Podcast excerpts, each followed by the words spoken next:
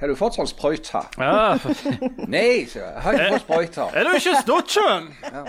Bare kjøre hjem. Med en gang. Vi skulle gjerne hatt deg her, men Snu eh, bilen. Nei. Sniv bilen. Kjør hjem.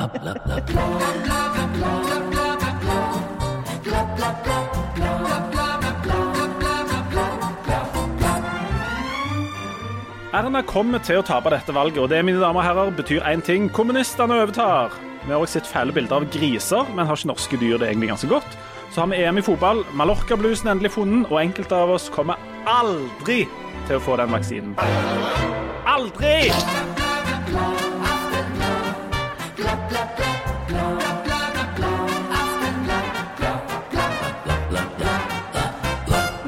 Jeg har fått innkalling nå, jeg. Er du, ja, for du Harald Birkvold, kommentator, du er jo vaksinert. Ja, to ganger. To ganger, ja. Først var jeg der, og så Her gnir vi det inn, ja. ja. Og du, Janne. Ja, Janne ja. Ja, jeg har fått innkalling, jeg. Nish.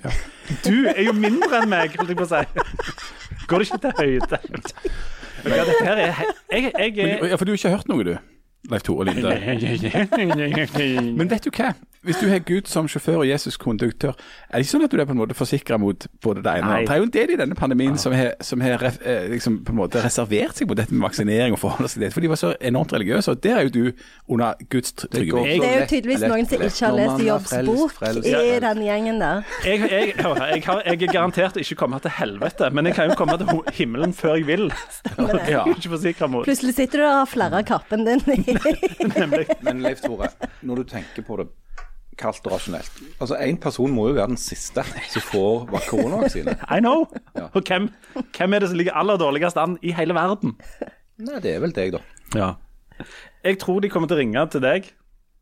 Tilby deg dose nummer tre.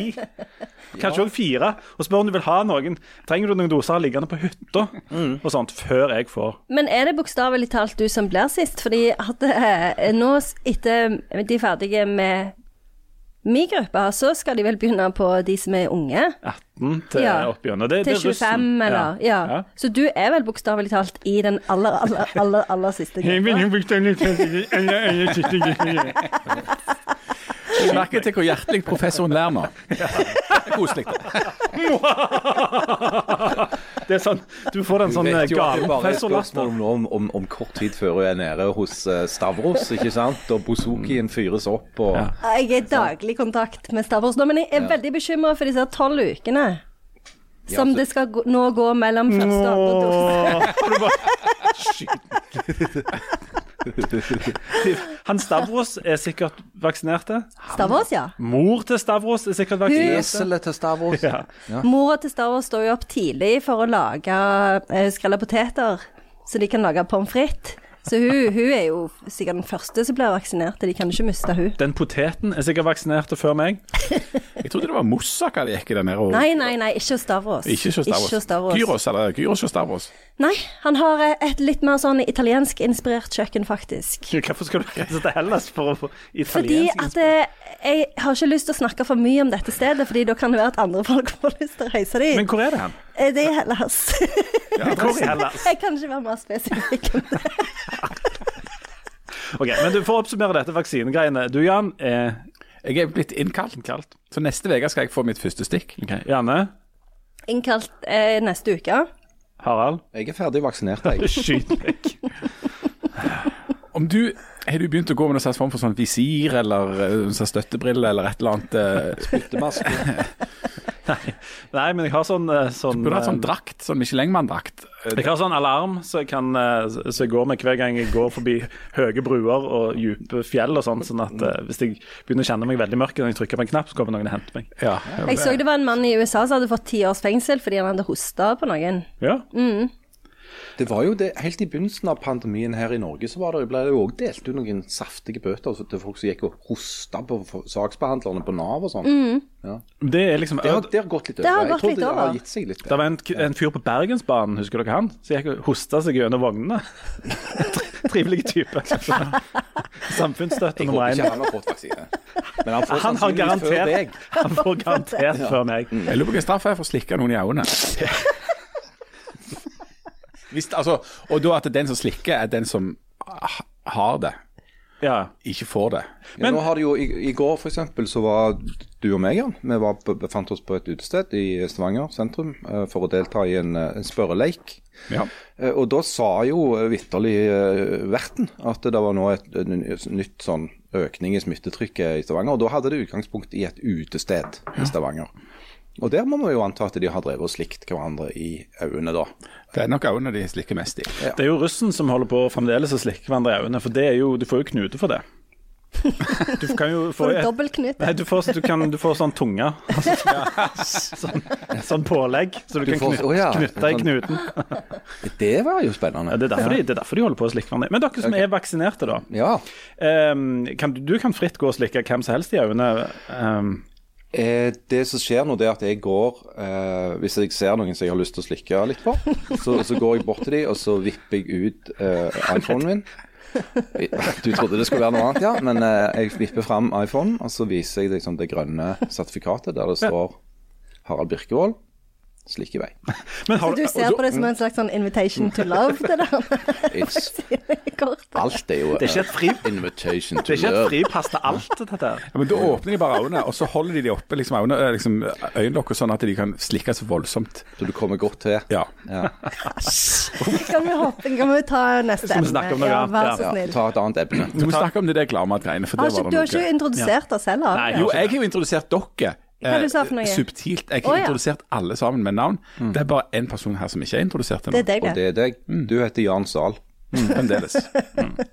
Hvis det var noe interessant å si om deg, så skulle vi jo sagt noe etterpå, men det kom ikke på noen ting. Nei, det Jan Zahl, fått innkalling til vaksinasjon. Ja. ja. Punktum. Nei, vet du hva. Um, du, det som jo opptar alle, unntatt denne Jan Zahl for tida, det er eh, EM i fotball. Ja. Eh, som jo er en fest for um, ca. halvparten av alle norske husholdninger. Og, og da snakker vi ikke om én av to, men halvparten av den indre husholdningen. I hvert fall er det sånn hjemme hos oss. Noen av oss er ekstremt interesserte, og uh, hun andre er ikke så veldig men hos oss er begge to ganske Oi. interesserte. såpass. Nei, men oss er ingen interesserte. Ok, så helt Hos teori- hos sånn at sånn. Hos Janne og de er begge interessert. Ja, og alle. Ja. Og alle. Men det er jo her noe av det store problemet med det der med EM og fotball eh, ligger da. For dette, de som er så interesserte, de maser så himla mye om det rundt forbi overalt at det virker som om alle er interessert, at det er minst en i hver husstand som det. Faktum er jo at det er jo halvparten av halvparten av halvparten som egentlig er interessert i fotball. Det er ikke så mange som er interessert i fotball, men de som er det, de driver og skriker og hoier og lager til og med innslag om det i podkaster der noen sier til hvorfor i verden skal vi snakke om dette? Det er akkurat som når det er f.eks. kapittelfestival eller eh, Mods-konsert i Åttevågen. Det er jækla mas fra er- de som er interessert i det. Ja, men det er jo ikke mange som er interessert i kapittel, hvis vi skal være helt ærlige. Det er ikke noe som er preger den store offentligheten i Norge. Det er, der er ingen fakkeltog i byen på en måte fra Metropolis ned her. Skriv mer om kapittel, skriv mer om kapittel. Det, Jeg skal på kapittel. ja, selvfølgelig. Jeg Men du Jan, er jo interessert i alt, inkludert fotball. Ja, det stemmer. Absolutt alt. Du er et renessansemenneske, Janne. du er, du er ant, altså Hvis Jan er materie, så er du antimaterie. Jan er ikke interessert i omtrent noe. Du er interessert i alt. Ja, jeg er Og. EM i fotball, det omfavner du med på en måte begge de litt korte armene. Jeg har ikke holde rundt- spesielt korte armer. Nei, men hvis jeg sier du har lange armer, så får du sånn Det er sånn ja, det er sånn. Du har ikke sånn monkey-armer. Nei, jeg, jeg, men jeg har ikke sånn Tyrannosaurus men det sånn rex-armer de, det er ikke sånn at de går og Nå viser, nå viser Janne hvordan det ser ut hvis du har Tyrannosaurus rex-armer. Det er ganske fint. Nei, nå, nå ble det ufokusert her. Men EM i fotball, det, det er du interessert i. Ja, og Og jeg her, har, ja. her har du eh, funnet fram en liten sånn professor. Jeg håper ikke du har skrevet noe sånn avansert og bruker ord som narrativ nå. Men Eller diskurs. Nei, Ja. men jeg, jeg jeg bare legge merke til underveis i EM at det er ting jeg liker veldig godt. Og så hadde jeg tenkt at jeg skulle notere de underveis, men det har jeg ikke gjort. Så nå måtte jeg ta det litt sånn etter hukommelsen, så det er ikke så veldig mange punkter. Men jeg har lagt en liste over ting jeg liker og ikke liker med EM, da. Eh, og det første jeg liker, og det, det jeg liker aller best, og det liker jeg så godt at jeg nesten får frysninger på ryggen, det er jo det at han tyske treneren og assistenttreneren har helt like klær. Det er bare Det elsker jeg. Og det er ikke en sånn Armani-dress eller noe sånt. Det er ei grå bukse og ei svart T-skjorte. Og helt like hvite joggesko. Ja. Og, og det, det syns jeg Og det er, sånn et, det er sånn et outfit som de kunne vært liksom eh, Det kunne vært 70-tallet, og foreldrene hadde kjøpt likeklær til de og stille de ved siden av hverandre foran juletreet for å ta bilde. For det er liksom påfallende likt. Så, så det liker jeg kjempegodt. Det er bare sånn, Jeg blir kjempeglad av eh, hele tida. Andre ting? Er, er det han Helmut Kohl som leder Tyskland? nå? Herlig. Nå kommer kapittelfestivalen inn fra sida. Ikke bry dere om han, bare ikke. ignorer. Løv. Eh, Og så en annen ting som jeg liker, det er jo Alle liker jo det, men Ikke jeg. jeg merker at jeg liker veldig godt når alle synger med på nasjonalsangen. Ikke jeg. Eh, fordi sånn som Spania, der sang jo ingen. Det syns jeg er du unødvendig. Vet du hvorfor? Ja, hvorfor? Fordi at spanske nasjonalsangen ikke inneholder et eneste ord. Men alle i publikum sang jo. Nei, de sier bare sånn la, la, la, la. Ja, men hvorfor kunne ikke de sagt la, la, la? Det ser idiotisk ut. Å ja. ja, OK. Jeg hadde, for meg så hadde jeg hadde syntes det var greit med la, la, la. Og, og det er, altså, er ingen som synger Et av de vakreste EM-øyeblikket er alltid når Italia, som er de med aller mest innsats, i hvert fall som jeg har sett, synger nasjonalsang. Ja, det Når, når Buffon Ja. uh, var keeper for Italia og sang nasjonalsangen, så så det ut som en ekstremsportøvelse. Og Finland, og, fi, ja, og Finland var veldig bra. Ja. Og fin, eh, finske spillerne de er de eneste som òg smiler enormt. det veldig ufinsk, Det er så fint. Er, er det noen som har en favorittnasjonalsang? Ikke jeg.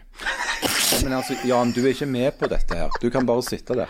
Altså, eh, det er jo eh, Britene og Frankrike har jo veldig fine Ja. Og Russland.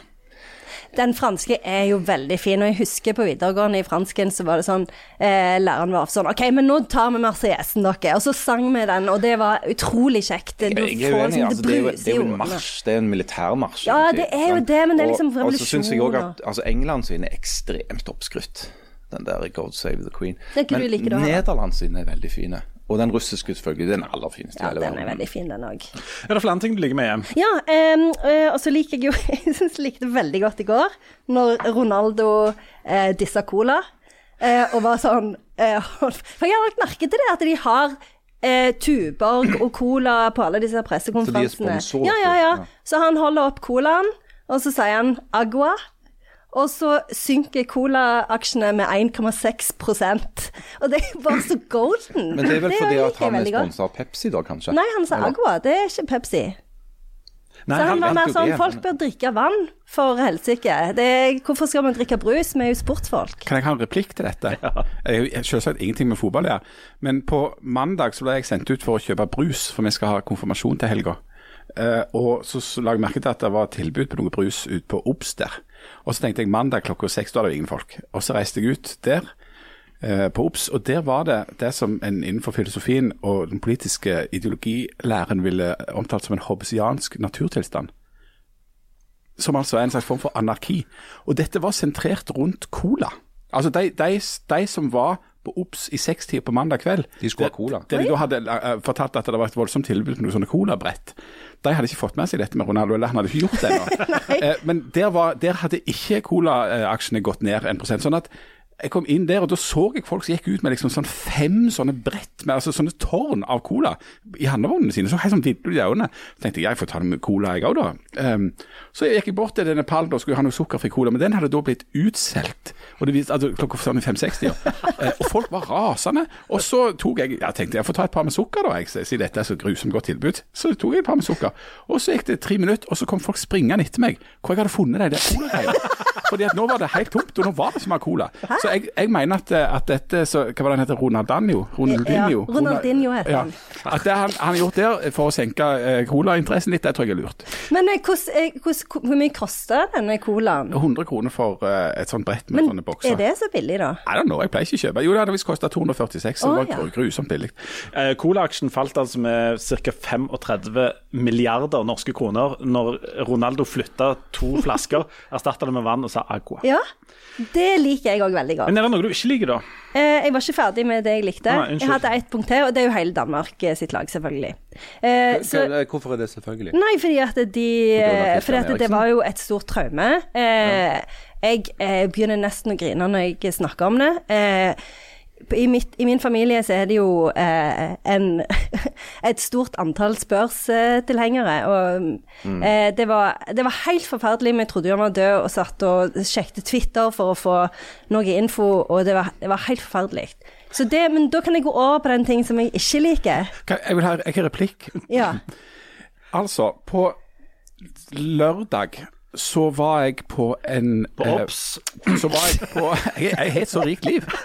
Da, da var jeg eh, en, i et litt sånn lite, lite lokale på en, en kammermusikkonsert. Eh, konsert, der det ble framført verk av, av forskjellige ja, kammermusikkverk. da, sant? Um, Ja, du var på fest, en slags festival. jo, på Bru var det der. der Var det, det òg litt sånn politisk natur... Hva var det du kalte det? Hobbesiansk natur. Nei, det var det ikke hobbesiansk naturtilstand. Der var det naturtilstand. Eh, Der var det bare natur og kultur og smelta voldsomt fint sammen. Og så, hadde vi hørt på denne kammermusikken og dette kammermusikkrepertoaret, og det var ting av ja, både den ene og den andre. Og så, og så skulle jeg snakke med hun som hadde spilt piano og hadde arrangert denne festivalen etterpå. Jeg skulle liksom intervjue henne da. Og så satt jeg der. Og så mens jeg da snakket med henne om fordeler og ulemper med kammermusikk, som jo alle er brennende interessert i og opptatt av, så hører jeg liksom sånn i ytterkanten av, av, av vår samtale, så kommer det en, en ungdom springende, en, en guttunge. og så, Så hadde gått feil, da? Far, far, vet du hva? Kristian Eriksen har fått hjerteinfarkt.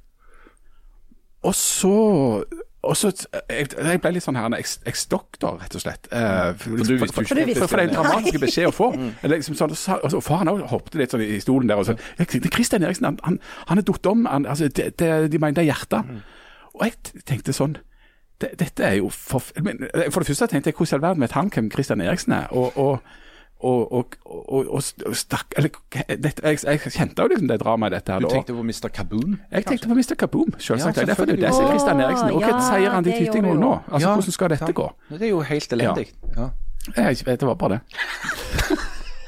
Dette ble en veldig lang ferd gjennom EM. Vi må, Nei, nei, snakke, vi må rekke nei, å snakke om noe men kan nå- veldig raskt det jeg ikke liker. Ja, nå må listene dine komme litt fort. Én, eh, folk som får hjertestans på banen. Enig. To, når Drillo blir så enormt sur. Alle er dårlige. Ja.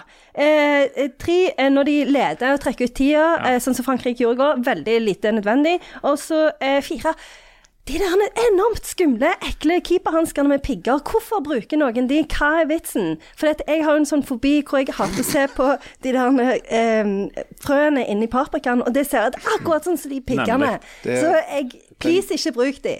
De knudrete får mer følsomhet. Ja, men de er ikke knudrete. Det er sånn pigger på denne Ja. sida. Jeg skjønner ikke at det skal være nødvendig. Og da, det, altså, det får være vår um, altså appellen ifra lyrikkprofessormiljøet til fotball-EM at de skal slutte å bruke sånne pigger på utsida av keeperhanskene fordi at Janne mener at det minner om paprika. Ja. Det er en relevant innvending. Jeg kan godt ta også I paprika også de boblene på kaffen. Og jeg, bare don't get me started. Eh, sånn drageskjell. Altså, det er veldig mye. Boblene på kaffen. Ja, det er eh, Og det, å se på sånne små bobler oppå kaffen, det trigger meg veldig. Du vet, de, be de beveger seg i et fullstendig tilfeldig mønster. Ja, jeg vet ikke hva, jeg Så orker det, ikke det, å hvis du vil ha et bilde på kaos, så kan du, ta, kan du se på boblene oppå kaffen din. Ja, Vi må gå videre. Jeg tror vi Eh, holder oss til Don't Get Me Started. Jeg kan altså. godt altså, lage en ny liste neste Ja, uke, ja, hvis men vi er interesse for det Men vi ser hvordan det. dette utvikler seg. Så lenge jeg bare har replikk til alle punkter, så er det greit. Og det skal, det skal selvfølgelig ikke handle Det må være noe ikke fotballrelatert, men ifra ditt rike liv. Du snakket jo om ikke sant, den hobbesianske naturtilstanden. Dette som uh, fenomenet som Janne beskriver, kalles for uh, Brownian motion, altså brownsk bevegelse. Uh, Einstein brukte en god del tid på å fundere på det. På, på den kaffe... Ja, andre ting òg. Sånne væsker som bare ligger der og koker. Det liksom beveger seg på en måte som det er helt umulig å forutse. Men er det ikke, går ikke det, i- det til under kvantemekanikken? Altså at det er en slags open Det er en pause? funksjon av at eh, alle atomer beveges jo litt på seg. De de rister litt. Men OK, akkurat, ja. Det er spennende. De som vil høre mer om det, de kan eh, møte opp eh, hos Harald Birkevold hver dag fra fem til sju i oppe i synkeholdet hans. Hold opp med det synkeholdet! Jeg får, jeg får så mye synkeholdsrelaterte meldinger Og så er det jo så mye òg, så det er jo i hvert fall eh, universet som konspirerer seg mot Hver Harald. eneste dag. Ja, men Det er flott. Før vi, før vi hopper over til, til neste skikkelige tema her, så vil jeg anbefale dere å besøke synkehull.no. Ja, det er, det, og det er faktisk Hjemmesida til Harald Birkevold. Nei, det er ikke det. Men det det er det. det er en norsk eh, nettside som heter synkehull.no. Ja. Og Der står det om synkehull som Harald har i hagen. Synkehull er et tegn på at verden holder på å gå under. Det blir flere og flere synkehull og forekommer hyppigere nå enn tidligere. Alle jordområder i verden kommer til å synke. Det er bare et spørsmål om tid. Hæ, fins dette? Ja. Ja, ja, men er det ei sånn apokalypseside? Nei, det er mer sånn Det er bare sånn fakta. sier. Så det, du kan bare begynne. Hvis du trenger noe mer å frykte og tenke på døden rundt, så er du et, eh, en fin plass her nå. Det er hjemmesida til Harald. Nå skal vi øyeblikk snakke eh, om, eh, litt om politikk og, og valget, men før det, Jan. Vi har fått en del post. Hvordan skal vi gripe det an? Jeg kan, jeg kan løfte det opp og lese ifra Ja, det. det. Det er jo et sånn Ja. naturlig ting. Ja, Vi har fått en, en, en tjukk konvolutt, og litt sånn inspirert, tror jeg, av, av forrige gang, så har vi da altså fått det som på en måte er fire ulike postkort med Og her er det faktisk litt hets, altså. Det liker jeg. Ja. Så det, ja. Ja, for, for å minne om det, så har vi jo bedt alle lytterne våre, eh, og særlig de av lytterne våre som vurderer å uh, drive med, med såkalt netthets, gjerne retta mot uh, yngre kvinner i politikken osv., og, og i stedet sette seg ned, skrive hetsen på et uh, godt gammeldags postkort, og så sende den til oss. Vi tar det imot uh, Ja. og fungerer som en slags lynavleder. ja. Jeg tror vi nok vi vil måtte diskutere litt rytmikk her, men, men, men eh, altså Vi har fått da et postkort der det er på framsida bilde av Breiavannet. uh, og da kan en jo lure på hvem handler dette om? Harald.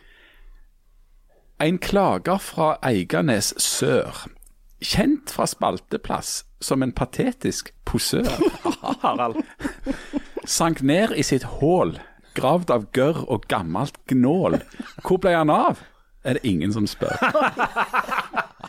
den var jo ganske Det var bra, den. Ja, Ja, det var sterk. det, det grenser helt opp mot hets, og det er bra. Ja. Det blir verre. Så er Nå gruer jeg meg litt. Her er det et postkort med bilde fra Sandnes. Hvem kan det være? Jeg vet ikke om dette understreker det imaget Sandnes har som, den, som er det Norges vakreste by, eller er det Norges styggeste by? Er det der greiene for noe? Nei, det er noe eh, til det bildet. Er det kunst? kunst? Ei skamtyste sossa fra Sandnes. Hoia hjelpeløst i en podkast kalt Jannes. Kan ikke åpne ei dør med en IQ på førr. At hun lå seg til artium, det anes. Det var jo Oi, oi, oi. kjempestygt kjempestygt. Herligheten ble kjempelei meg. Så jeg er alkoholisert, dum Klarer ikke å åpne ei dør. Og- eh, og- horete. artium. Og eh, hva var det siste? Nei, det vil ikke gjenta Det, var- det, var, det var veldig stygt, men jeg, jeg, jeg, det- jeg syns det var bra å få inn såpass mye stygt på såpass kort Ja, det var veldig, veldig er- godt gjort. ja, Men jeg vil gjerne si det, at det, den gangen dere eh, avtalte at folk kunne sende inn så mye hets de bare ville, da var jo ikke jeg her. Jeg hadde aldri gått med på det, for jeg er egentlig veldig tynnhuda. Så nå kommer jeg til å grine meg i søvn, og jeg håper den som har skrevet det, eh, har- får med seg det. Jeg tenker det. Ja. Jeg og moralen er, at du, moralen er at du må møte opp. Ja. Mm. Ja, ja, det er jo sant. Ja. Det er greit nok at du alltid kommer for seint, men du må møte opp. OK, bilde av jern. Det er da bilde av noe stein og noe skyer. Da en jærbu gjorde klassereis til Storhaug, ble kulturdekninga enda mer snau. Det var kona mi her og kona mi der. Hun har en kjempekrøllekvise, hun da, på Sisneden rau. Det var utrolig stygge ting. Jeg syns ikke det var gøy i det hele tatt. Igjen, det er veldig stygt, men eh, kompliment for å ta Jan via familiemedlemmer. Ja, det er veldig bra. Det er Kjempefint. Altså, Vi kunne sikkert analysert eh, eh, hetsen her, for det er, det er noe interessant si men det skal, synes ikke vi skal gjøre. det. Og så, Så er det et og- og flott postkort. Så er det veldig interessant, for det siste postkortet, det er noen som er klipt Altså, han er klipt ut et stykke kartong. altså fra sånn fins ikke postkort for Hummersåk. pappbede. Det er ikke Klart han gjør ikke det. det er, Jeg vet ikke hva det sier noe, sier det det? noe om hummersåk? eller sier det noe om deg? Jeg vet ikke hva det sier noe om, Leif Tore. Det er en slags packing order her. Eller, eller fra Kjensvoll. Som, ja. Men, men dette er altså noe Det er på en måte på grått papir, må vi kunne si. Eller grå papp, faktisk, for å være helt nøyaktige. En tufs ifra tristeste Kjensvoll knota i et studio uten karma eller kontroll. Var desperat etter en limerick og en litt lengre fortelling, hvor han òg var med hashtag dreams. Oi. Oi. Det var der jeg hadde litt problemer med rytme. Jeg, jeg, Ja, det, det, det sliter jeg. Ja. Men jeg, jeg syns si, Det begynte bra. det, Det begynte største bra, hetsen i min retning det var faktisk at tre av dere fikk spandert på et postkort. Ja. Jeg fikk kartong. Ja, Du fikk et stykke med, med banankasse. Ja, ja, ja. Ja. Men for, for altså, vi, vi har bedt om hets, og nå har vi fått det, det er bra. Men vi, vi får òg noe skrøyt. Uh, altså, vi har fått et, et forriktig postkort med et, et, et, eh, flott sånn eh, kun, litt kunst på, rett og slett. Nikolai Astrup. eh, Fjøsfrieri fra 1904. Det, det er to som står kline i et fjos. Det er jo jævlig flott. Eh, og Her står det aften, Aftenbladet. Jeg har flere ganger observert i bisetninger fra og de nedsettende omtale av klemming. Takk for at dere gir oss som hater klemming et ansikt. Tenk når pandemien vel er over og det kommer en kollega og gir deg en klem og sier 'kjekt å se deg'. Nei og nei. Alt er fint nå, klemmefritt. Takk for mye moro. Hilsen dame type voksen. Ingen årsak. Eh, folk må bare holde avstand. Eh, liv ut. Ja, og den verste klemmen er jo den når du skal ta noen i hånda og klemme dem samtidig. Stoltenbergiske Giske-klemmen. ja, det syns jeg er veldig unødvendig. Jeg klemte en person i går. Men nå er jo jeg eh, vaksine. vaksinert, altså. Ja, for den, Når du får hånd, og, og typ de drar deg Ja, det liker jeg jo ikke. Og så syns jeg òg at du treffer feil, da. Ja. For du treffer med det der skinnbeinet. Eh, og, så det blir liksom bare en sånn en gunk, Jeg, jeg har lært en egen teknikk for å unngå den klemmen, så jeg kan lære dere etterpå. Det er det, er. Mm. lært, det er skjegget du har lagt deg til. Nei, det er, en, det er faktisk eh, en, en måte å em, stille seg opp på som jeg lærte av noen som hadde gått denne diplomatskolen. Hæ? Ja. Oh, ja. Oi, dette blir spennende. Ja, dette kan, dette kan også til slutt ende opp i et eh, videoklipp som jeg, der vi kan demonstrere hvordan du skal gjøre for å det, unngå klemming. det er jeg enormt interessert i. Kanskje vi skal legge dette på dette, denne Instagrammen vår. Det kan vi gjøre. Men før vi, vi, vi skal øyeblikk ta en pause, men vi har fått ett postkort til, så jeg hadde glemt ut. Oi. Nå er jeg spent. Nei. Nei, Hæ? det er verdens største postkort. Eh, Altså, her snakker vi enormt. Det er en, en halv kvadratmeter. Enormt. Eller en kvadratmeter. For nå hadde jeg tenkt å slutte i podkasten, men det er mulig at det er postkort. Det er mulig å fortsette litt til. Det, altså, det begynner på andre sida. Dette Og så må du Altså, her er det dette Og du må lese. Altså, skjønner du systemet her? Jeg vet du er litt tungrodd, Jan, men Ja. Jeg er jo såpass til IQ at jeg klarer å åpne dører. Herlig. burn, burn. Tok ikke du òg eh, Utrolig imponerende. ikke du tok artium òg uten å Jeg tok artium. Ja, kom nå til poenget. OK, her er det altså Dette er, jeg må på en måte, altså, dette er klippet ut av kartong, men det ser ut til å være en litt tjukkere kartong enn den som eh, Leif Tore Linde ble hetsa på. Dette er en veldig tjukk og stiv kartong. Uh, og så er det altså limt på ulike godteri uh, som utgjør en del av teksten, med teip. Eh, og det er en, nesten en kvadratmeter stort. Sånn at da står det til våre superfavoritter, og super er altså snop, og favoritter er sjokoladefavoritter. Til våre superfavoritter. Aftenbladet, Stavanger Aftenblad, Nykirkebakken 2, postboks 229, 4001 Stavanger. Dette kan jo umulig ha stappet i den postboksen. OK, på andre sida er det mye sjokolade. Nå kan dere få og, og litt snop. Eh, vet du om dere skal få poeng for å gjette hva som er sjokoladen her? En herre troika fra avisa Frisk og Kvikk. En smart smashing professor med seg fikk. De snakker non-stop. Podkasten er topp. Vi bobler av glede og får helt kick. Ai, ai, ai. Så det, dette var veldig imponerende. Ja, det Dette må det iallfall tas bilde av. Og så denne kan vi jo ete opp. Altså, Ja. Et postkort som kan etes opp, det, er veldig bra. er det noen avsender på denne? Ikke ser. Du, hvis dere, det, dette, dette må dere nesten se. Vi skal legge ut Ja. bilde på, på Ja, Instagram. det var Det var, det der var et imponerende syn. Ja. Ja, det må vi si. Ja, helt utrolig. Um, ja, det er Og så masse snop. Ja. Herlig. Dette kan vi like. Det er ingenting med det jeg ikke liker. Nei. Du, Det eneste er at det ikke er fruktnøtt. nå er det Nå er vi inne i hetsen her. Jeg tror vi må ta en liten pause. Jeg må ta en liten runde rundt nullen, kjenner jeg. Når vi, når vi kommer tilbake igjen, så skal vi snakke om Skal vi pløye oss fort gjennom noen alvorlige temaer som er fullstendig glemte i denne første lille halvtimen. Ja, jeg, vil, jeg, jeg, vil jeg vet ikke hvor godt jeg vil si at den første halvtimen gikk rett sånn i substans. Det sklei ut. Det sklei ut. Um, men vi får prøve å ta det igjen i eh, neste halvtime, der vi skal snakke om eh, både uh, valget, litt om uh, griser og litt ymse og forskjellig. Vi er øyeblikk tilbake. Hjertelig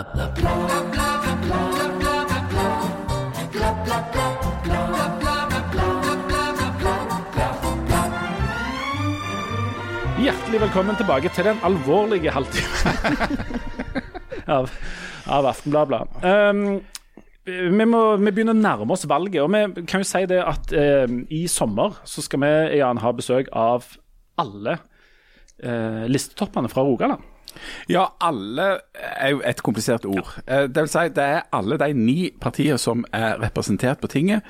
Og så har vi måttet legge på enda siden vi er plutselig, eh, og litt uforvarende, har blitt sentrumspodkast på et vis. Vi har jo på en måte adoptert det politisk, nystarta politiske partiet Sentrum. Ja, Som, som, så langt jo ikke har akkurat kommet til orde her så mye. Vi, vi har snakket mest om sentrum, om sønnen til Kjell Magne Bondevik Bondevik, og, og vi har sett fram til at han skal komme syklende over fjellet og lage pizza til oss, og til at Harald skal få tatovert sønnen til Kjell Magne Bondevik, Det Bondevik på låret. Men der har vi også fått toppkandidatene. Det betyr at vi har ti toppkandidater til stortingsvalget eh, på besøk i løpet av sommeren. Og De episodene de vil komme litt sånn eh, etter hvert. De vil komme i, um, i løpet av uh, sommeren. Og så er det noe annet òg som jeg gjerne vil informere dere om. og Det er at vi Aftenbladet skal sende live ifra Gladmaten i år. Um, onsdagen og fredagen klokka halv fire skal vi uh, sende live fra det som heter Bakgården, som er et område på Nytorget. På Gladmaten. Der er det sånn at du må, Hvis du har lyst til å komme der, så må du reservere deg eh, plass inne på gladmat.no. Um, Eh, det, det er ikke sånn at du bare kan eh, på en måte droppe inn. Der er det plass til en, mellom 100 og 200 mann. Uh, Vi håper å se noen av dere der. Vi kan garantere at det blir, Det blir gale. det blir kog. Ja. Det blir verre enn noen gang. Eh, onsdagen og fredagen under Glamad, altså. Og så eh, skal vi òg bare reklamere litt for eh, altså Neste uke så skal vi gjøre noe som vi har gledet oss til ganske lenge. Vi skal ikke røpe hva det er, men eh, den episoden må du få med deg. Men altså, noter deg onsdagen og fredagen under Glamad klokka halv fire oppe på Nytorget. Eh, men nå, Harald, Ja. nå skal vi snakke om noe veldig kjedelig, som Ja. du er interessert i, nemlig valget. Ja, ja, ja. Um, Demokrati. og demokrati og sånt. Ja, veldig kjedelig. Ja. Um, nå er der, eh, denne uka kom det en ny sånn, en stor eh, meningsmåling. eh, Supermåling. Supermåling um, som um, Ja, hva viser den? Sånn i Det er jo Den- at Erna må gå, og kommunistene tar over. Ja, det, ja, det er kommunistene. Det blir, det blir revolusjon. Uh, nei, altså den, den målingen bekrefter egentlig bare den tendensen som har vært i, uh, i omtrent alle målinger uh, det siste året nå, nærmere. Det er at det, det skal veldig mye til for at det ikke blir regjeringsskifte til høsten. Det skal skje store bevegelser i velgermassen fram til september for at Erna Solberg sin regjering får fortsette. Og eh, Hovedtrekket det er at de, de to store partiene holder sånn noenlunde stand der oppe, Høyre og Arbeiderpartiet. Eh, og så er det en rekke små, av småpartiene som nå er unna sperregrensa. Det betyr jo at altså, hvis et parti får under 4% av stemmene, så får de nesten ingen inn på tinget. Eh, Det eneste partiet av de små som lå over sperregrensa i den målingen her, var Rødt, som lå så vidt over 4,2. Eh, Og det partiet som skiller seg klart ut i negativ retning, er Venstre, som da klokka inn på under 2% Men vi kan risikere 3 Under, Unnskyld, under 3,7. men vi kan 2,7. risikere at altså denne sperregrense Det er jo et tema hvert valg, men i år kan det virkelig bli et sånn bikkjeslagsmål for fire partier. Ja, det kan det. Og det der med å beregne eh, effekten altså Når et parti kommer over den sperregrensa, da har de òg rett på det som kalles utjevningsmandat. Som blir fordelt ut for å få en mer rettferdig utnyttelse av stemmene totalt sett. Eh, og blir, I i Rogaland òg blir det veldig spennende hvilket av partiene som stikker av med det utjevningsmandatet her. Eh, Mimir Kristiansson fra Rødt har jo en ambisjon om å komme inn. Da er de avhengige av å få et godt resultat. Det samme kan komme til å skje for Kristelig Folkeparti, som òg kan, kan stikke av med et av de mandatene. Um, men kan vi risikere at Eller kan vi havne i den situasjonen at vi ender opp med bare en fem-seks-sju partier på Stortinget? Ja, Eller altså- kommer disse kom, altså, til å komme de, med de vil ofte komme inn med, én representant. Eh, det var jo det som var det der fantastiske som skjedde den gangen når, Venstre gjorde et sykt dårlig valg. Hadde bare én stortingsrepresentant, men de hadde tre medlemmer i regjeringen. Når vi snakker om å få god uttelling for veldig få stemmer. Men, men fordi Du sier at det må skje store bevegelser, store ting i velgermassen fram til valget. Og så er det jo sånn at eh, nå er det tre måneder til valget da. Yep. Hvordan er tendensen altså Kan det skje det? For jeg mener å huske at rundt forrige valg og tidlig, eh, altså på vårparten, så så det ut som det skulle bli regjeringsskifte. Og det virker som alle, bortsett fra omtrent Høyre, trodde det. Og så er det jo sånn at, at hvis det skjer noen bevegelser på de minste partiene, sånn at de kommer over sperregrensa altså akkurat Nå virker jo det håpløst, men hvis det skjer, så skjer det plutselig noen voldsomme omveltninger. Hvor, hvor eh, vanlig eller uvanlig er det at det kommer til å skje store endringer i velgermassen fram til september? Altså, endringer skjer der. og det, det en sånn hovedtendens er jo at når velgerne til slutt, etter å ha vært med og sagt hva de tenker i forskjellige meningsmålinger, når de da endelig blir valgdag, når de går og stemmer, så har de en tendens til å safe litt mer enn de gjør når de svarer i meningsmålinger. Sånn at, og, og det har en tendens til å favorisere da de to store partiene, at folk på en måte flykter til det trygge når de står der i valglokalet og, og skal stemme. Men nå må vi huske på at til forskjell fra forrige gang, i 2017, så, så er det nå en ganske betydelig avstand mellom de to blokkene. Du har de partiene som har sagt at de ønsker regjeringsskifte, eh, altså de rød-grønne. Og så har du de som utgjør dagens regjering, pluss Frp. Og avstanden mellom de blokkene der er store nå. Eh, det skal, jeg vet ikke om jeg skal kalle det for et under, men i alle fall noe i retning av et politisk jordskjelv til for at det skal snu så mye på såpass korte tid. Og så er det jo, jeg, jeg vet ikke om jeg nevnte før, men jeg har jo et hovedfag i sammenlignende politikk. Oh, ja, ja, ja, fra Universitetet i Bergen. Det er voldsomt, voldsomt godt, kjempelangt studium da. Men det som jo skal skje nå, det er jo at vi er tre måneder før et valg, og det som skal gjennomføres nå, det er da dette som kalles for en valgkamp. Partiene gjennomfører valgkamp fordi de tror det virker. De tror at gjennom de neste tre månedene så skal de klare å overbevise folk, og aller helst folk som ikke har stemt på de før, til å begynne å stemme på de. Og du Janne, som er et eh, jo grunnleggende politisk menneske. Hender det noen gang at du endrer mening? Blir du påvirka f.eks. av valgkamp, av saker og sånt, eller er det sånn at du uansett stemmer på det du stemmer på? Det visste du for to år siden. Jeg tror alltid at eh, jeg eh, blir overbevist. Og så er det sånn som Harald sier, at jeg kommer i valglokalet, og så stemmer jeg det. Så gjerne ikke alltid det liksom trygge sånn i forhold til størrelse, men jeg stemmer det jeg alltid har stemt. Hvor mange forskjellige partier har du stemt på? To. Sentrum òg. Har det gått an å stemme på sentrum før? Jeg har stemt på dem, men jeg har bare skrevet dem i sånn liten skrift unna. Der. Ja, på, på litt sånn der kartong, eller sånn Ja. der papp som du fant. Men jeg kjenner meg litt igjen i det der, for, for uh, jeg tenker òg litt sånn når uh, Altså, eh, før du går inn i det, det, det avlukket i den perioden før så tenker jeg ja, jeg skal være litt sånn funky, gjerne dra til stemme et eller annet. Være litt, eh, slenge meg ut i et eller annet uh, nytt farvann sånn. Og så kommer det til stykket, så ja, Det er det KrF, sånn som det pleier, liksom. Ja, er sentrum. sentrum. Men jeg syns det er veldig interessant med den der, for NRK har jo lagt ut den der valgomaten. Eh, og den tok jeg. Eh, Og da fikk jeg et parti som jeg ikke har stemt på, eh, som er KrF.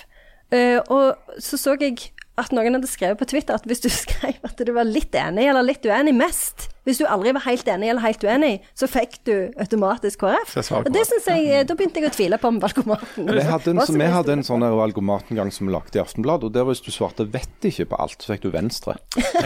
Og det var en annen òg. Senere har jo disse valgomatene òg lagt til noen av de om det er viktig eller ikke viktig. Og der, hvis du svarte 'vet ikke' og eh, verken viktig eller uviktig, da fikk du, også, da fikk du i alle fall Venstre. Men har dere tatt disse eh, valgomatene? Ja, Stemmer de med det du trodde det skulle stemme med? noen ganger eh, gjør de det, eh, og andre ganger ikke. Og jeg har aldri skjønt forskjellen. Altså, eh, det må jo være, ha noe sam, altså det må jo ha noe å gjøre med hvordan de valgomatene da er lagt. Altså, det er jo en sånn algoritme sikkert, eller noe inni der som eh, tygger på dette du svarer og finner ut. Men, men noen ganger har jeg blitt altså, veldig overraska. Altså, jeg har fått opp svar, altså partier som jeg aldri har sendt på, og aldri har vurdert å stemme på engang, som liksom et klart førstevalg. Og det som jeg syns er interessant, er at de alltid i de der valgomatene så er det et spørsmål om ulv. Og det er kanskje det siste jeg tenker på og er opptatt av. Hvorfor, altså Hvilket som helst annet spørsmål ville vært det, mer relevant det har de jo bare lagd for å kunne tjore deg fram til Senterpartiet. Jan, er de, disse valgmatene, er de gode nok til, til at folk kan stole på dem? Um, for En av de tingene som skjer på valgmatene veldig ofte, er at eh, du svarer så godt du kan, og så får du beskjed om at du er 70% enig med det partiet, 69,5 med det, og så ender vi opp i det der som er et av dine favorittemaer, nemlig at politikk er ganske sånn ja, Det er ikke Ja. så, så stor forskjell. Nei, nei, for det er, ikke, det er ikke så store forskjeller. Og så er det jo eh, Det ville være oppsiktsvekkende hvis du var 100% enig med noen som helst. Det ville jo tyde på at du var helt eh, hjernevaska eller hjernedød, omtrent. Eh, sånn at du skal jo ikke få full klaff i, i, i noen, og du skal ha eh, på en måte ende opp med noen sånne heat som, som er ganske tette, vil jeg tro. Altså hvis du er Hvis, hvis du det er noen ting som skulle tyde på at du fikk flere på en måte hits på venstresida hvis du mente visse ting, og så er det noen ting som skulle tyde på at du fikk flest treff på i sentrum høyre borgerlige sider, på en måte, at det var en slags logikk i det. Men, men, eh, men jeg, jeg, vet ikke, jeg er usikker på hvor, i hvor stor grad du skal liksom bruke en valgkomat til å finne ut hva du mener om, om politikken. Jeg tror jeg, jeg har stemt på fire ulike partier opp gjennom livet, men jeg tror aldri noensinne jeg har blitt påvirka av en valgkamp. Eller jeg føler iallfall i seg sjøl. Jeg har aldri endra holdning i løpet av en valgkamp. Er ikke det litt som å si at alle Jeg skjønner at det er reklame i samfunnet, men jeg er en av de som ikke blir påvirka av reklame, så det går greit for meg. Jeg tror nok folk blir kanskje påvirka mer enn de tror. Uh, av Kanskje ikke av ting som er så helt sånn åpenbart valgkamp, men av emner som dukker opp i løpet av valgkampen, og som kan være og satt i omløp, saker som er satt i omløp, debatter som er løfta fram av folk som jobber for en eller annen form for politisk eh, aktør. da. For det at eh, De er blitt ganske sneaky nå. Eh, det, det, det, er ikke sånn at alt som skjer i løpet av en valgkamp har sånn, en lapp rundt halsen hvor det står 'dette er valgkamp'. De er jo ganske smarte, en del av disse folka som jobber for sånne rådgivningsfirmaer og strateger og sånn. Og så er det jo en blanding av fint og forvirrende at folk da endrer parti og stemmer på forskjellige ting. I gamle dager, dette er en pensum da fra eh, statsvitenskap, før i tida så var det sånn at du stemte der du ble på en måte født til å stemme. Du stemte det samme som foreldrene dine. altså Det var en ekstreme partilojalitet. Så hvis du var født eh, liksom, i arbeiderklassen, så ble du der. Og hvis du var født eh, og eide fabrikken, så, så, stemte både du og i flere generasjoner på noe på Høyre. da. Og så har på en måte velgerne da fjerna seg fra den der lojaliteten, og de tenker mer sjøl, og det er mer sånn oppsplitta hva som er skillelinja, hva som er saken og sånt. Og der, ligger jo noen ting nå som, som, er en slags endring, eller som er en slags sånn tendens i, i tida, da, som, som forsterker trua på at det blir regjeringsskifte. Altså Når et regime har sittet i åtte år, så oppstår det en slags trøtthet i velgermassen. Enten over at de har styrt på den måten de har gjort, eller en slags frustrasjon over at de ikke har oppnådd det de lovte for åtte år siden. Så det er et sånn ønske om, om endring eller prøve noe nytt, som i seg selv er en helt fin ting. Altså Helt uavhengig av om jeg har stemt på de som har fått regjeringsmakt eller ikke, så syns jeg det er noe av det vakre med dette, med, med, et fungerende demokrati. At du, en måte, at du skifter regime, at du får ulike eh, standpunkt, eller ulike på en måte politiske prosjekt. Og så Den andre tingen er et slags sånn distriktsopprør, altså uh, sentrum-periferi i Norge. Uh, masse folk rundt omkring i, i, Norge som er frustrerte over tingenes tilstand der, og det gagner foreløpig Senterpartiet. Et siste spørsmål om, om eh, valget her. Det, det, som framstår som et lite mysterium for meg, det er at vår tids store sak, nemlig miljøsaken, ikke gir et parti som rett og slett Miljøpartiet De Grønne, som er det nærmeste vi kommer et sånn et uh, Ikke et ensaksparti, men et, et, parti som profilerer seg utelukkende på, på, den saken. At ikke de er eh, Senterpartiet nå, at ikke de er på 15-16-17-18% Hvorfor i all verden skjer ikke det, Harald? Jeg, jeg tror at det skyldes at uh, det er en sånn, en, en sånn kynisk vits fra politikkens område som sier at uh, det er helt umulig å, å, få en person til å skjønne noe hvis lønna til vedkommende avhenger av at han eller hun ikke skjønner det. Eh, og da, altså Det betyr at du har et utrolig hardt salg hvis du skal gå f.eks. i oljefylket Rogaland og si til folk at det dere driver på med, må dere slutte med. Eh, for det betyr jo at de òg må si nei til lønna si eh, for det de driver på med. Eh, dessuten så tror jeg òg at MDG er litt nå i den samme situasjonen som f.eks. et parti som Rødt alltid har befunnet seg i.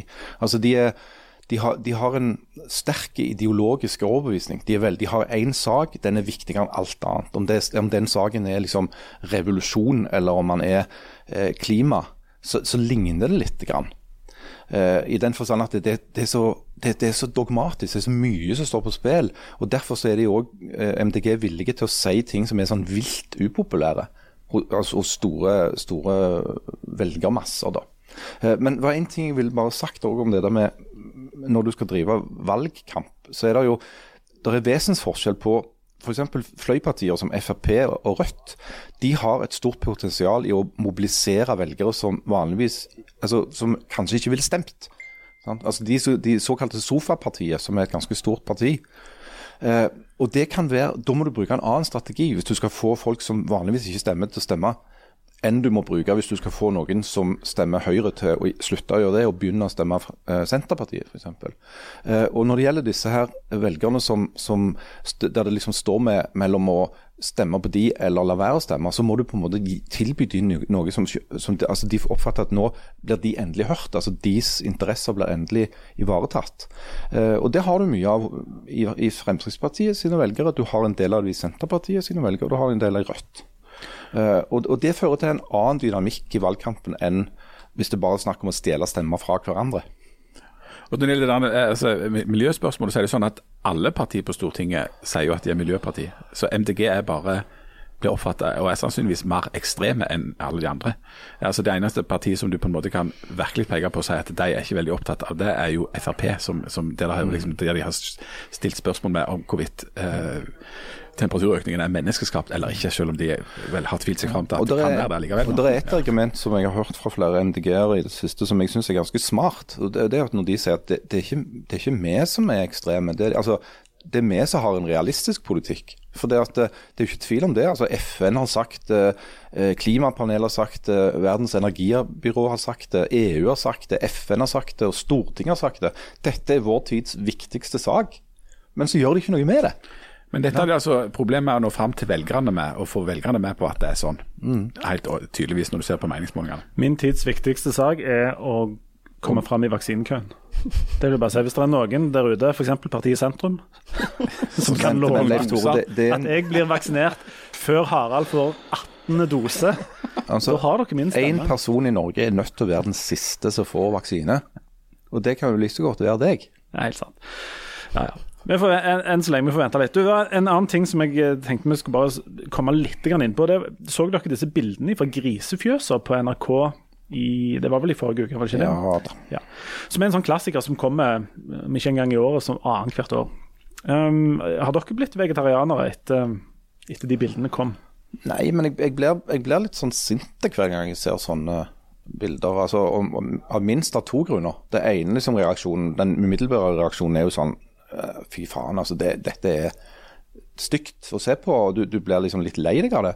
Og det andre er reaksjonen jeg, jeg pleier å få, det er liksom Fader, òg så urettferdig dette er mot alle de bøndene som ikke driver sånn. Janne, hvordan, eh, du har jo tynne hud, som du nettopp lanserte. Hvordan reagerer du når det kommer sånne dyremis... For dette er jo dyremishandlingssaker. sant? Ja, det er jo det, og jeg eh, husker ikke hvilken gang det var, men det en av de gangene så ble jeg vegetarianer i tre måneder, men så fikk jeg sånn svimmelhet. Du måtte ha proteiner. Men, men eh, eh, jeg tenker mye på det, og jeg syns at eh, det er eh, ille, fordi at det er jo et etisk eh, spørsmål. Altså, det betyr jo noe hva du putter i deg, og det sier jo noe om oss som samfunn, at vi kan spise såpass mye kjøtt som vi gjør, og være så lite opptatt av eh, hvordan eh, det kjøttet havner på middagsbordet.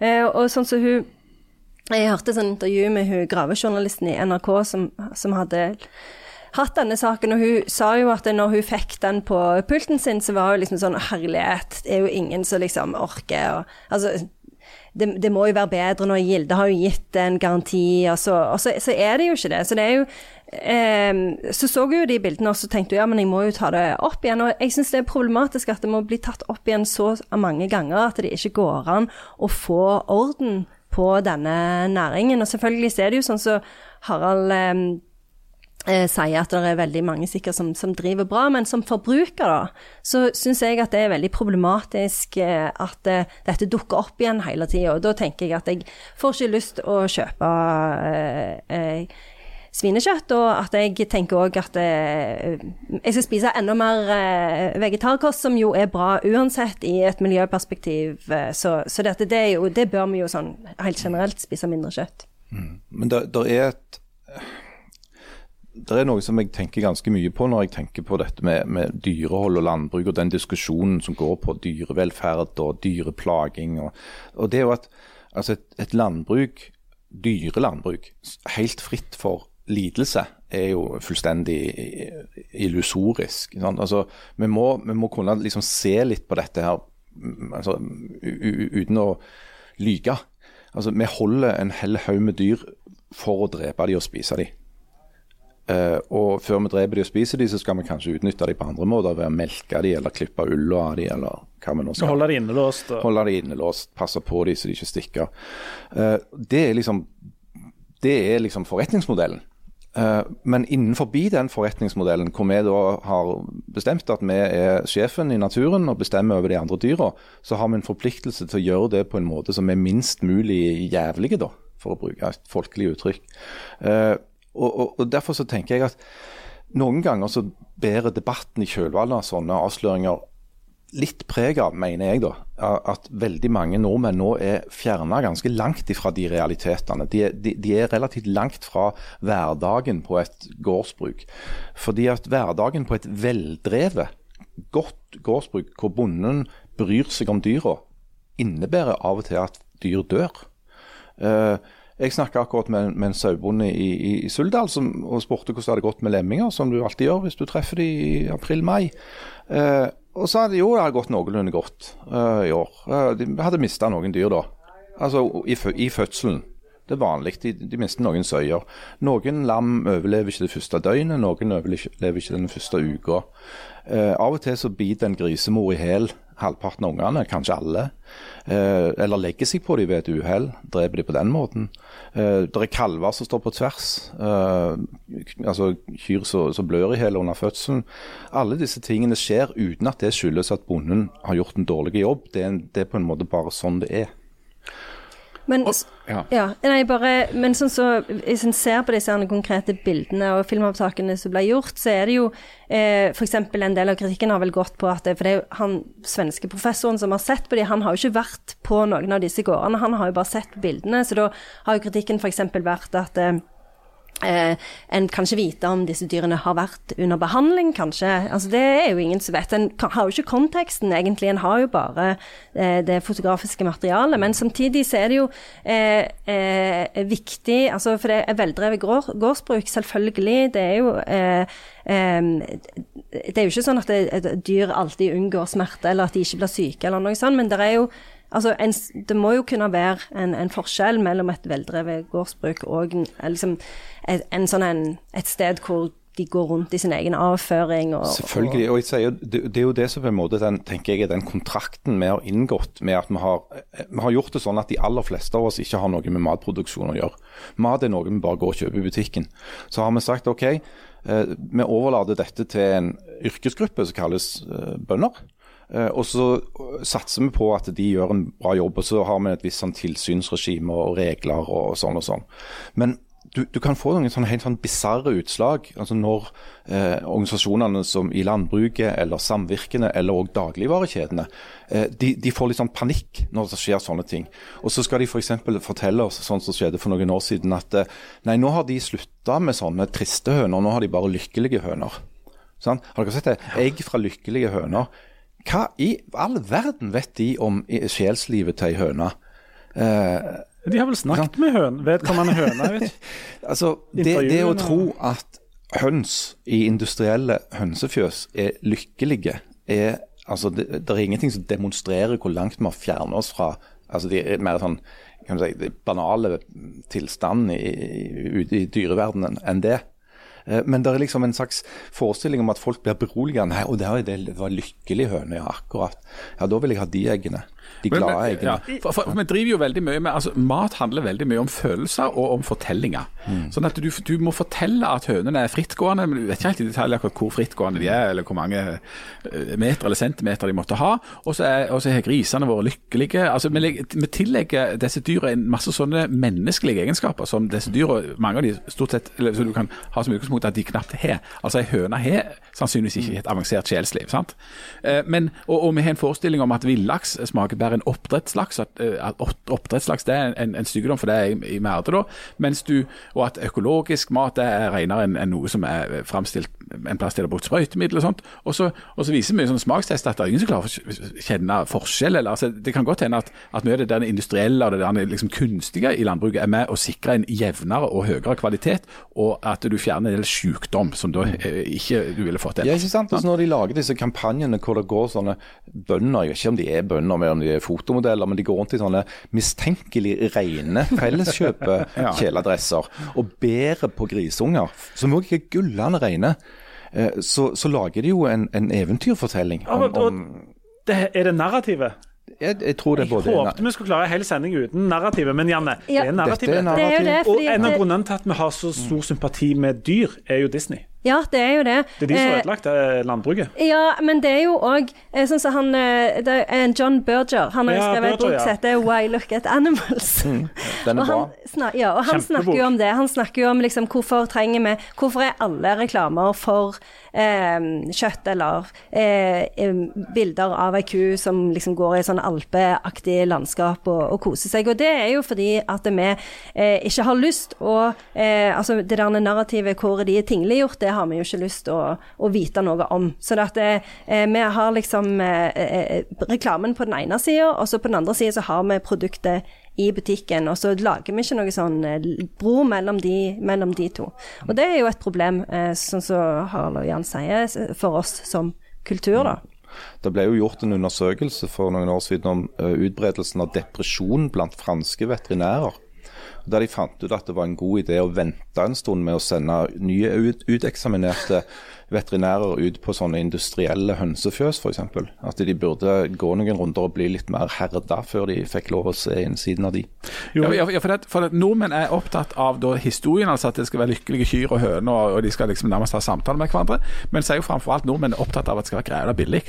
Og de to størrelsene går ikke i hop. Ikke i det hele Nei, sånn at Hvis du vil ha så billig mat, og, og, og maten, folk klager over at maten er dyr, men vi har jo aldri brukt mindre av lønna vår. Eh, Og, og sånn som Janne som er millionær eller milliardær, for noe, bruker jo ingen ja, men Selv vanlige folk bruker nesten ingenting av lønna si på mat fordi at eh, vi tjener så godt og vi hadde hatt råd til å betale mat, men vi er primært opptatt av at det skal være billig. Derfor så blir det hobbesiansk naturtilstand hvis det er eh, tilbud på cola eller hvis det er tilbud på kjøttdeig en annen plass. Men, men forutsetningen for å få det til er industrielt rasjonelt, økonomisk veldrevet, i betydningen eh, lav kostnad per enhet fra landbruket. Et, godt er jo råd, ja, et godt råd er jo også Herregud, innfør to-tre kjøttfrie dager i uka, og bruk heller litt mer penger på å kjøpe ordentlig eh, kjøtt når du vil ha det. Ja, Men hva er forskjellen på, på, på kjøtt og ordentlig kjøtt? Det har jeg aldri helt forstått. Altså, jeg, jeg, hvis det er kyllingbryst eller, eller en svinekotelett, hvordan er det, hva er forskjellen i kjøttet på Du de kan to? jo f.eks. kjøpe eh, kjøtt av, av frilansgris, som du vet altså har gått uh, ute. Eh, som har spist eh, ordentlig mat, varierte kost, har fått mosjon. Sånne ting går det an å forsikre seg om, f.eks. Men eh, frilansgris koster jo eh, atskillig mer per kilo enn norsk Men det, det klart, industrigris. Hvis grisen er frilanser, så skal han òg ha til pensjon, og så skal Ja, han ha til feriepenger. Men, og men, men, men, arbeidsgiver- men, men der blir det jo òg litt sånn sånn overklasse- og elitefenomen. Eh, For at de rike skal da eh, kunne eh, betale for noe som da virker mer sånn etisk og rent. alt det greiene der. Men, men hvordan kan du få dette til på en måte som gjør at helt vanlige folk kan eh, Men er, er du rik Altså, hvis du bruker 300 kroner én gang i uka på noe dyrt kjøtt, eller 150 ganger, eh, kroner tre ganger i uka på noe billig, så bruker du jo mer penger. Men nå vinker overklassen der borte. Ja, Janne. eh, for det er jo et kjempeinteressant eh, spørsmål eh, sånn generelt. Det er jo et kjempestort spørsmål. For sånn som i USA f.eks. nå, så er de, snakker de om sånn food deserts. For det er jo i fattige områder i storbyer så har de jo ikke supermarked. De har bare sånn eh, rask mat, altså sånn bensinstasjoner, og, og de må kjøpe maten sin der. Hvis ikke må de ta buss liksom en time for å komme til Whole Foods. Så det der med å liksom eh, eh, få, få tilgang til sunn mat, det er jo et, et stort problem i eh, liksom I Norge, I. Norge så har jo de aller fleste fortsatt tilgang på Ja, ja, eh, altså eh, friske grønnsaker, eh, kjøtt som ikke er prosessert osv. Men det som du sier, Janne, så er det i mange land, og i Storbritannia nå, så, så er det bekymringsfullt mange som be befinner seg langt ifra steder hvor de selger eh, sunn mat. Ja, og, og det er, når, når Jan da jakter i, er med i flokken jakter på brus ute på Obs, så er det sannsynligvis billigere å kjøpe den brusen enn å kjøpe melk, f.eks. Det, Ja, det det, er jo et prisspørsmål, ikke sant? Ja, ja. Og så viser det seg jo at liksom den fedmepandemien som uh, rammer den vestlige verden, det er jo ikke sånn at det er de rikeste som er de tjukkeste. De rikeste er jo tynne, det er de fattige som er tjukke. Uh, Sånn at det er, det er et, det er et sosioøkonomisk, nærmest et sånn klassespørsmål, dette med mat. Og Når vi først er inne på overklassen, nå skal vi slutte, men uh, bare en liten ting om overklassen helt til slutt. Så dere bildet av Erling Braut Haaland, som jo har tatt steget opp ifra eh, fjoset på Jæren til det vi vel må kalle overklassen, og denne overklassens eh, eh, framskutte posisjon i motebildet? Altså, min første reaksjon, det var Han har gått helt Hunter Thompson. Så det at det, Du tenker på det der bildet fra Syden, ikke sant? Ja. Han og to Kan ikke du beskrive hva det er som skjer? Nei, altså, Haaland er tydeligvis på vei til stranden. Jeg tror jeg ser for meg at han er på vei Eller til stranden. Eller inn på en yacht, eller Ja, et eller annet sånt. Og han, han er kledt da i en sånn uh, bøttehatt. Eh, en flagrete, veldig sånn skrikende skjorte. Eh, matchende shorts. Et såkalt sett. Et sett, ja. Og så flipflops. Eh, og, og, og dette antrekket har jeg da brakt i erfaring er designa og, og solgt av et firma som, kalles, som Janne bruker mye, som, som kaller seg Louis Vuitton. Er ikke det riktig? Var det Jo, riktig det er sagt? riktig. Ja. Eh, Så det må jo ha kosta skjorter, dette her greiene. Og skjorter. Men Janne, du er jo, av oss som sitter her, er jo du den som har den mest framskutte posisjonen i motebildet.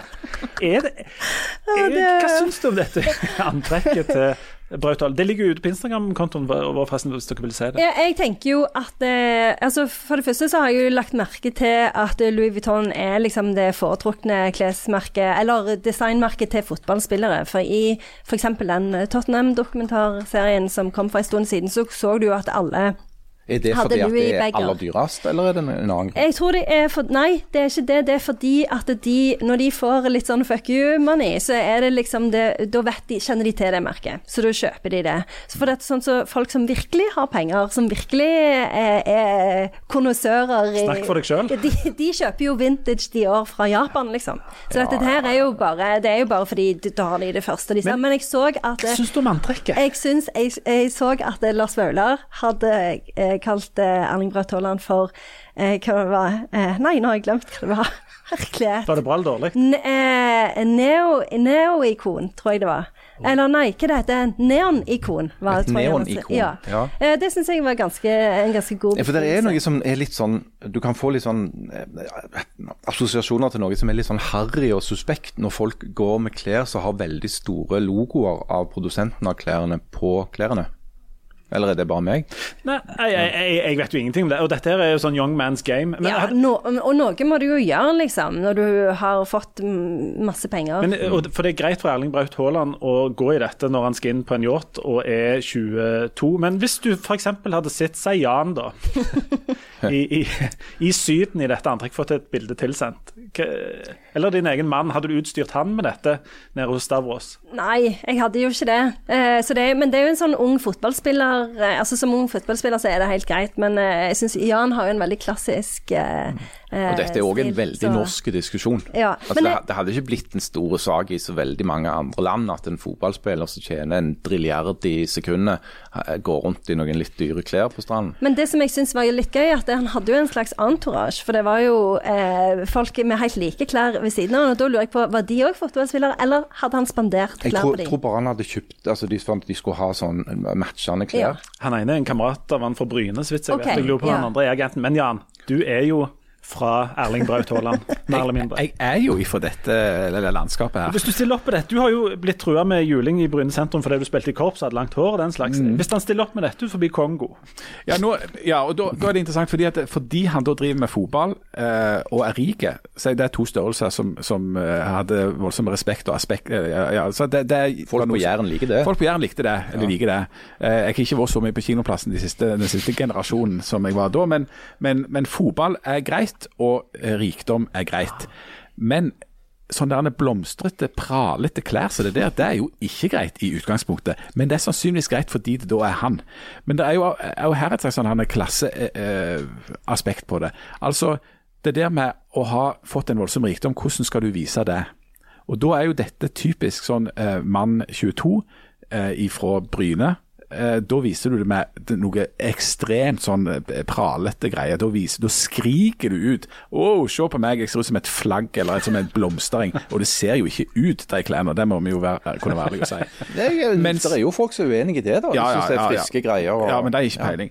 Jeg, hvis du, hvis du du er spørsmål om mote, så er det bare å ta kontakt. Men du er ikke et neonikon? Nei, jeg er ikke et neonikon. Mens, mens en snakker jo om borgerskapets diskré sjarm. Altså, hvis Nei, det er det ikke mange som snakker om. hvis, du, deg. hvis du blir virkelig rik, så er det et poeng at du ikke praler med det. At du ikke tar på deg det som er mest bling-bling og gull, gull og look at me. Men du kan kanskje ha noen merker som de få innvidde som er virkelig superrike, forstår at det der, det er dyrt. Men det skriker ikke til alle. ellers så skal du ha klær som er sydd for deg av en fyr du kjenner i London. Men hvis du har vært rik lenge nok, så har du logoen på innsida, men hvis du nettopp har kommet til penger, så har du logoen på utsida. Ja, men det er jo liksom, du ser jo sånn som Billie Eilish for eksempel, hun går jo òg mye med sånn Louis Vuitton-sett eller Gucci-sett, så du liksom kjenner igjen med en gang at dette det er det. Så det er jo en egen type eh, mote. Jeg kjenner at jeg er litt i markedet for et sånn Louis Vuitton-sett, men, Men kan vi ha like? Hæ? Ja, vi kan ha like. Ja. Men jeg, jeg, jeg mener jo at dette her er Det er jo Mallorca-bluesen, mer eller mindre det han har på Nå seg. fikk jeg en god idé.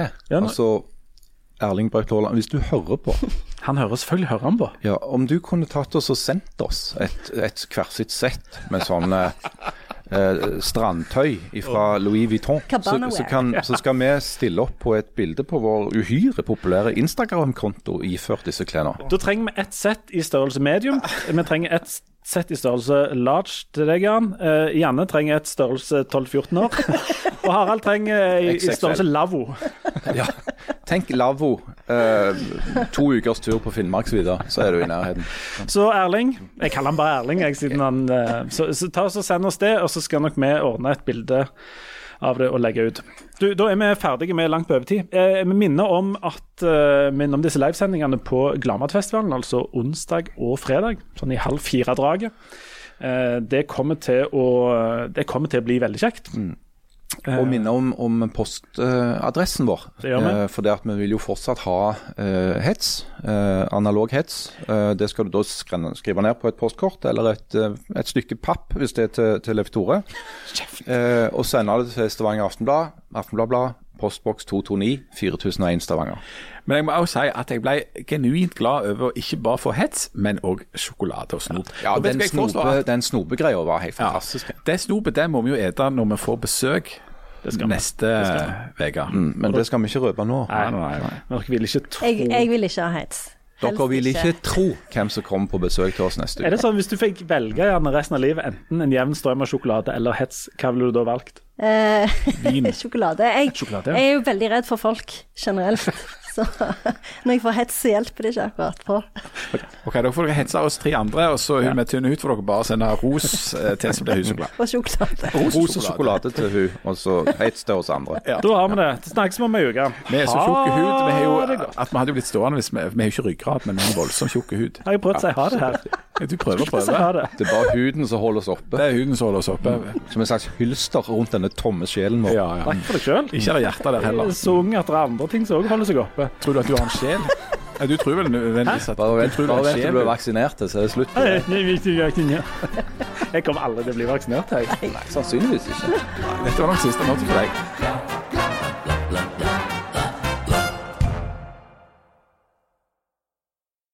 Skal vi si han nå? Jeg har sagt ha det for lenge siden. Det var dere andre som driver og somler så utrolig. Jeg syns vi har holdt på så kort i dag. Skulle tro dere fikk timebetaling. Eh, ja, det er ikke utprega kortesauser.